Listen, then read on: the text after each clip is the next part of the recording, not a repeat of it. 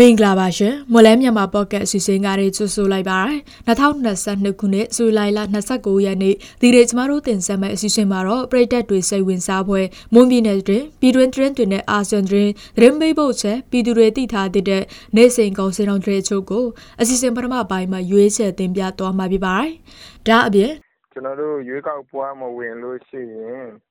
ကျွန်တော်တို့ပါတီဖြတ်သိမ်းခံရမယ်လေအဲ့ဒါကိုကျွန်တော်နာဆာကကျင်းပမဲ့ရွေးကောက်ပွဲကိုပူပေါင်းပါဝင်ခြင်းမပြုဖို့ NUG ယာယီသမရဒူဝါလာရှိလာကပြောဆိုနေပေမဲ့နိုင်ငံရေးပါတီအများစုကဝင်ပြိုင်မဲ့အနေအထားမှာရှိနေတဲ့ဆိုတဲ့သတင်းပေးပို့ချက်ကိုလည်းတင်ဆက်ပေးမှာပါ ဟုတ်ကဲ့ပါဒီကနေ့အစီအစဉ်မှုကတော့ကျမမီအိုင်ဘလော့ကတာဝန်ယူသွားမှာဖြစ်ပြီးကျမနဲ့အတူကိုအခရမွန်ကတင်းတို့ကိုကူညီဖက်ကြားပေးသွားမှာဖြစ်ပါတယ်။နားဆင်ကြတဲ့ပရိသတ်အလုံးမင်္ဂလာပါလို့နှုတ်ခွန်းဆက်သပါရစေ။ကျွန်တော်အခရမွန်ကမီအိုင်ဘလော့နဲ့အတူတင်းတို့ကိုကူညီတင်ဆက်ပေးသွားမှာပါ။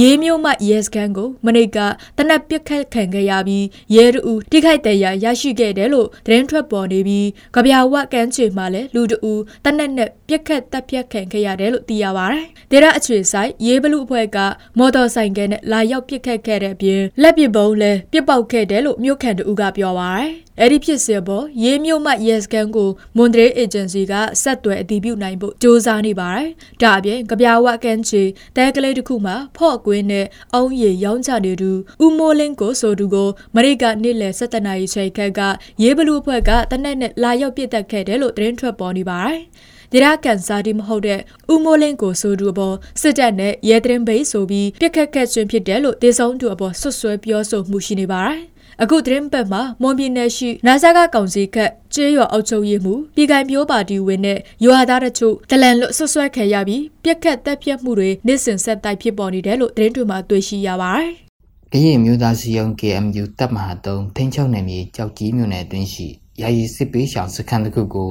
ဒီကနေ့မနက်9:00နာရီခွဲမှာ စစ်တပ်မှရဟိနဲ့လာရောက်ပစ်ခတ်မှုတွေပြုလုပ်ခဲ့တယ်လို့ဒေသတွင်းသတင်းရင်းမြစ်တွေကအတည်ပြုပြောပါတယ်။ကြောက်ကြီးမျိုးနဲ့တွင်းရှိယာယီစစ်ပေးရှောင်ရတဲ့စခန်းများထဲမှစခန်းနေရာတစ်ခုကိုစစ်ကောင်စီကရွယ်ချက်ရှိရှိဝင်ရောက်ပစ်ခတ်ခဲ့ခြင်းဖြစ်ကြောင်းနဲ့၎င်းပစ်ခတ်မှုကြောင့်ထိခိုက်မှုတွေရှိတယ်လို့ကနအူသိရှိထားရပြီးထိခိုက်မှုကိုအသေးစိတ်ကတော့မသိရှိရတဲ့ကြောင်း၎င်းသတင်းရင်းမြစ်ကဆိုပါတယ်။ကိုယ်နဲ့ယူခွဲတိတိမှလက်ပစ်တော့တယ်လို့ပြောတယ်။ အခြေအနေသိစိတ်ကိုတော့ကျွန်တော်မရှိရရှိသေးဘူး။တာဝန်ရှိသူတွေကိုဖုံးဆက်မေးတာတော့ထိခိုက်မှုတွေရှိတယ်တဲ့။ဒါပေမဲ့သူတို့လည်းအဲ့ဒီကိစ္စနဲ့အလုပ်ရှုပ်နေတယ်။ပြီးတော့ပြစ်ခတ်တာတွေလည်းဖြစ်နေတယ်ဆိုတော့ကျွန်တော်ဘာမှဆက်မမေးဖြစ်တော့ဘူး။လာပြေးသွားတာကဟယ်လီကော်ပတာနဲ့ပြစ်တာအခုအဲ့လေရင်ကအပေါ်ဘက်ကိုတက်တော့တယ်လို့ပြောပါတယ်။အဲ့ဒီ IDB စကန်ကိုလေရင်နဲ့လိုက်ရောက်ဖိခတ်မှုကိုအခုလတွင်ပထမဦးဆုံးချိန်ပြုလုပ်ခြင်းဖြစ်ပြီးယခုဖိခတ်မှုကိုပြုလုပ်ခဲ့ပြီးတဲ့နောက် တောင်ငူချေစိုက်လေတပ်စခန်းဘက်ကနောက်ထပ်လေရင်၃စီးခန့်ပြန်တက်တော့တယ်လို့သတင်းရရှိထားကြောင်းလည်းအဲ့ဒီသတင်းရင်းမြစ်ကဆက်ပြောပါတယ်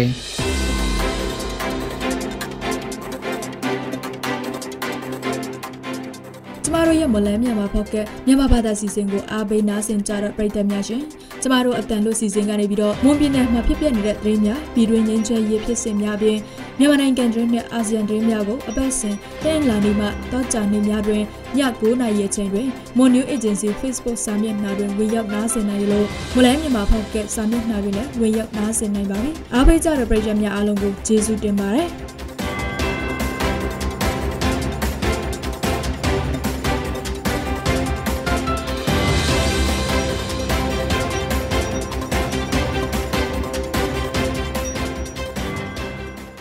ရပ်ပိုင်အတွင်း73စီဈေးနှုန်းတွေကျဆင်းပြီးနောက်ဒီကနေ့မှပြန်တက်လာခဲ့တယ်လို့73စီတင်တွင်းတုံလောင်ဖြတ်ဖြူကျလုပ်ငန်းကြီးကြပ်ရေးကော်မတီမှထောက်ပြန်တဲ့ရည်ညွှန်းလက်လီဈေးနှုန်းများအရသိရပါတယ်။ အဲ့ဒီလိုပြန်တက်လာတာကြောင့်ရန်ကုန်တိုင်းမှာ92တလီတာကို1820ကျွတ်အထိဖြစ်လာခဲ့တယ်လို့သိရပါတယ်။အလားတူမန္တလေးတိုင်းနေပြည်တော်မကုန်းမကွေးထောက်ဝဲမော်ယူဝပသိမ်ဟအမ်မော်လမြိုင်တို့မှာ73စီဈေးနှုန်းမှာ92တလီတာကို1800ကျပ်အထက်မှာရှိနေပါတယ်။ဒါအပြင်မြစ်ကြီးနားစစ်တွေလာရှိုးတောင်ကြီးနဲ့လွိုင်ကော်တို့မှာ92တလီတာကို1900ကျပ်ကျော်ဟာခါနဲ့ကျိုင်းတုံတို့မှာတလီတာကို2000ကျပ်ကျော်ဖြစ်ပေါ်လျက်ရှိတယ်လို့သိရပါတယ်။ရခိုင်ပြည်နယ်ကစားအုပ်စီဈေးနှုန်းမှာ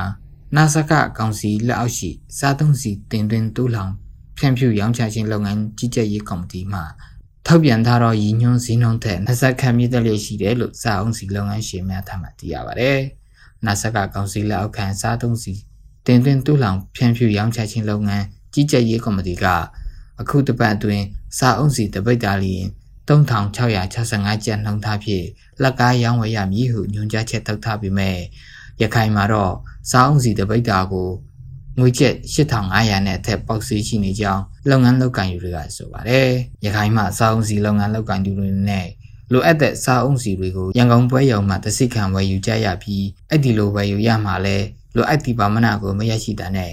သတ်မှတ်ထားတဲ့ဈေးနှုန်းထက်ပိုပြီးပေးဝယ်ရတာတွေရှိနေကြောင်းစီလုပ်ငန်းလုပ်ကိုင်သူတွေကဆိုပါတယ်။မြန်မာနိုင်ငံအတွက်လိုအပ်တဲ့စာအုပ်စီရဲ့66ရာခိုင်နှုန်းကိုတင်သွင်းနေတဲ့အင်ဒိုနီးရှားနိုင်ငံက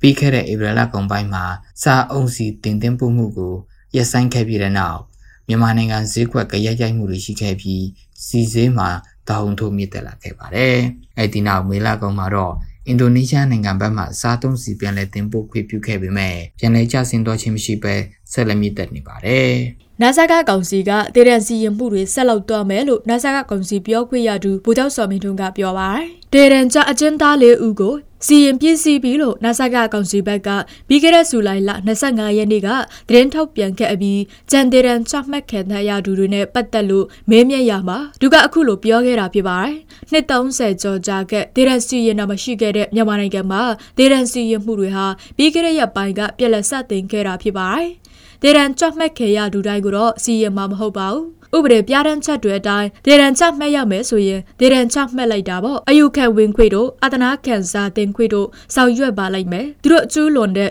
ပြစ်မှုတွေအပေါ်ပဲမူတည်ပါလိုက်မယ်ဒေရန်အချိန်ကျကြခံတဲ့အမှုတွေဆိုရင်တော့တရားဥပဒေအတိုင်းပေါ့လို့ဗိုလ်ချုပ်စော်မင်းထွန်းကပြောပါရယ်နာဇက်ကကောင်စီကဖမ်းဆီးပြီးဒေရန်စီယန်ထားသူ84ဦးရှိပြီးတော့ပြီးခဲ့တဲ့ရက်ပိုင်းကတော့မြန်မာနိုင်ငံကထင်ရှားတဲ့နာဇက်ကကောင်စီကိုဆက်ကျင်တဲ့နိုင်ငံရေးဓမ္မဥစင်မီနဲ့ဥပြိုးစေရတော်တို့အပါအဝင်၄ဦးကိုပြီးခဲ့တဲ့ရက်ပိုင်းကဒေရန်စီယန်ခဲ့တယ်လို့ထုတ်ပြန်ခဲ့ပါတယ်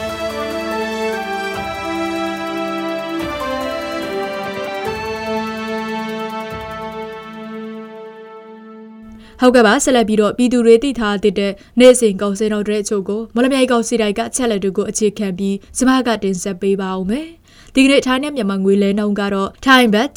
65.5ဝယ်ဈေးရှိပြီးတော့ရောင်းဈေးက69ရှိနေပါတယ်။ ဒေါ်လာဈေးကတော့အမေရိကန်ဒေါ်လာကိုဝယ်ဈေးမြန်မာငွေ2450ရှိပြီးရောင်းဈေးကတော့2500ရှိပါတယ်။ရွှေဈေးနှုန်းကမီလ16ပဲရေတစ်ကြက်သားကိုရန်ကုန်ရွှေအသေးယနေ့ဈေးကွက်မှာ20သိန်း6000ရှိနေပြီးပြင်ပေါက်ဈေး22သိန်းအထက်မှာရှိနေပါတယ်။73စီတွေကတော့တီဆယ်တလီတာကို2230ကျပ်အောက်သိန်း92တလီတာကို1880ကျပ်နဲ့95တလီတာကို1945ကျပ်အထိရှိနေတာပါ။ ဇန်စင်းနှုန်းကတော့အကောင့်စပေါ်ဇန်မွေဇန်သား90ကို99,500ကျပ်အလလက်တန်ဇန်မျိုးစားပေါ်ကျွဲသည့်ဇန်သား80ကို44,000ကျပ်နဲ့အမထဆန်တွေကတော့ဇန်သား80ကို1,1,500ကျပ်နဲ့ဇန်သား90ကို1,500ကျပ်အထိရှိတာပါ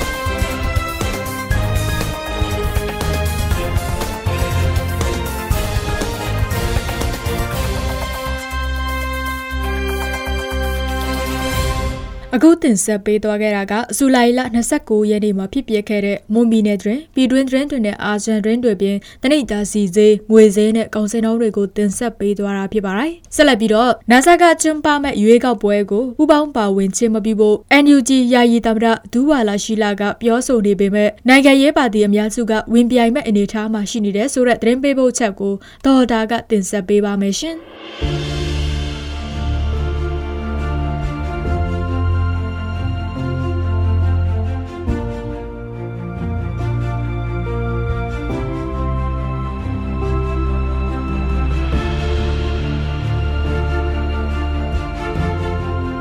နောက်စကားကကျင်းပမဲ့ရွေးကောက်ပွဲကိုပူပေါင်းပါဝင်ခြင်းမပြုဖို့ NUG ယာယီတမတာဒူဝါလရှိကပြောဆိုနေပေမဲ့နိုင်ငံရေးပါတီအများစုကဝင်ပြိုင်မဲ့အနေအထားမှာရှိနေပါတယ်။နောက်စကားရဲ့နိုင်ငံရေးထပ်ပေါက်ဖြစ်စ조사နေတဲ့2023ရွေးကောက်ပွဲကိုအဖြစ်ပါဝင်ခြင်းလုံးဝမပြုလုပ်ဖို့နိုင်ငံရေးပါတီတွေကိုတိုက်တွန်းပါတယ်လို့မနေ့ကဇူလိုင်လ28ရက်မှာပြောကြားတဲ့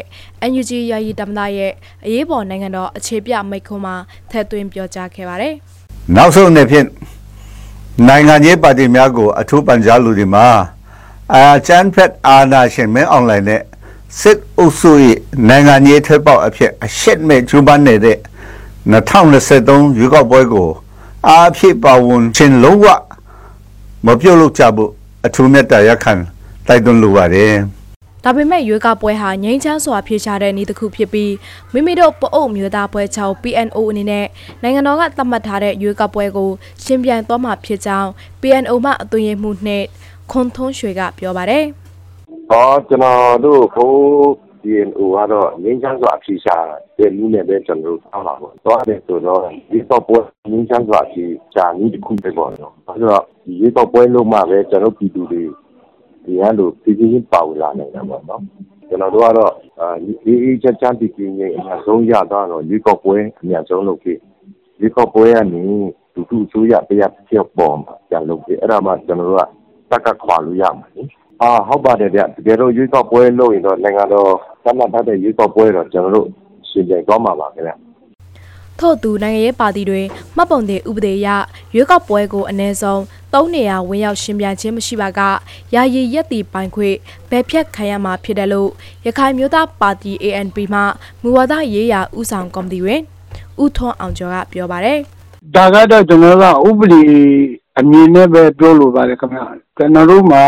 ဒီအစိုးရရဲ့အဆက်ဆက်ပြဋ္ဌာန်းထားတဲ့နိုင်ငံရေးပါတီများမှတ်ပုံတင်ဥပဒေဆိုတာရှိပါတယ် အဲ့ဒီနိုင်ငံရေးပါတီမှတ်ပုံတင်ဥပဒေမှာနိုင်ငံရေးပါတီတရဟာဥပဒေရမှတ်ပုံတင်ပြီးတော့ဟိုနိုင်ငံရေးပါတီထူထောင်တယ်ဆိုလို့ရှိရင်အထွေထွေမျိုးကောက်ပွဲမှာဘယ်လိုပဲဖြစ်ဖြစ်နေရာသုံးနေရာကတော့ပါဝင်ရှင်ပြန်ရပါလိမ့်မယ်အဲ့ဒီလိုမရှင်ပြန်ဘူးနေရာသုံးနေရာနဲ့ရွေးကောက်ပွဲမှာမမပါဝင်ဘူးဆိုလို့ရှိရင်ကတော့အဲ့ဒီနိုင်ငံရေးပါတီကိုနိုင်ငံရေးပါတီမှာမှတ်ပုံတင်ဥပဒေအရ ဒီနိုင်ငံရေးပါတီများရက်ဒီပိုင်ခွင့်မှာပယ်ဖြစ်ရှင်းခံရပါလိမ့်မယ်ခင်ဗျအဲ့ဒီဥပဒေတစ်ခုတော့ရှိပါတယ်လာမယ့်2023ခုနှစ်ဩဂုတ်လအတွင်းရွေးကောက်ပွဲကျင်းပသွားမှာလို့နာဆက်ကကောင်စီဥက္ကဋ္ဌကပြောကြားထားပါတယ်။မိမိတို့မွန်ညရုပ်ရဲ့ပါတီ MUP အနေနဲ့တရားဝင်မှတ်ပုံတင်ထားတဲ့နိုင်ငံရေးပါတီဖြစ်တဲ့အတွက်ရွေးကောက်ပွဲမဝင်ပါကပြတ်သိမ်းခံရမှာဖြစ်တယ်လို့ရွေးကောက်ပွဲရှိပါကဝင်ပြရမယ့်အနေအထားမှာရှိနေတယ်လို့ပြောရေးဆိုခွင့်ရှိသူနိုင်တန်းရွှေကပြောပါတယ်။ အဓိကက ကျွန်တော်တို့က အရင်ကပြောထားသလိုပေါ့ ကျွန်တော်တို့က ဒီပြည်တွင်းမှာရှိတဲ့ဒေဝီနိုင်ငံရေးပါတီ မှတ်ပုံတင်ထားတယ်ဆိုတော့ ကျွန်တော်တို့ ရွေးကောက်ပွဲမဝင်လို့ရှိရင် ကျွန်တော်တို့ပါတီဖြတ်သိမ်းခံရမယ်လေ အဲ့ဒါကို ကျွန်တော်ပါတီရက်တီဖို့တော့ကတော့ ဒီရွေးကောက်ပွဲရှိရင်တော့သူပဲချင်းပါချင်းပါပေါ့နော် ရွေးကောက်ပွဲရှိရင်တော့ ကျွန်တော်တို့က ဝင်ရမယ်အနေထားတော့ ရှိတယ်ပေါ့ လက်ရှိမြန်မာနိုင်ငံမှာတရားဝင်ရည်တည်ပိုင်ခွင့်ရှိတဲ့နိုင်ငံရေးပါတီ62ပါတီရှိတယ်လို့ပြည်ထောင်စုရွေးကောက်ပွဲကော်မရှင်ရဲ့ထုတ်ပြန်ချက်အရသိရပါတယ်ရှင်။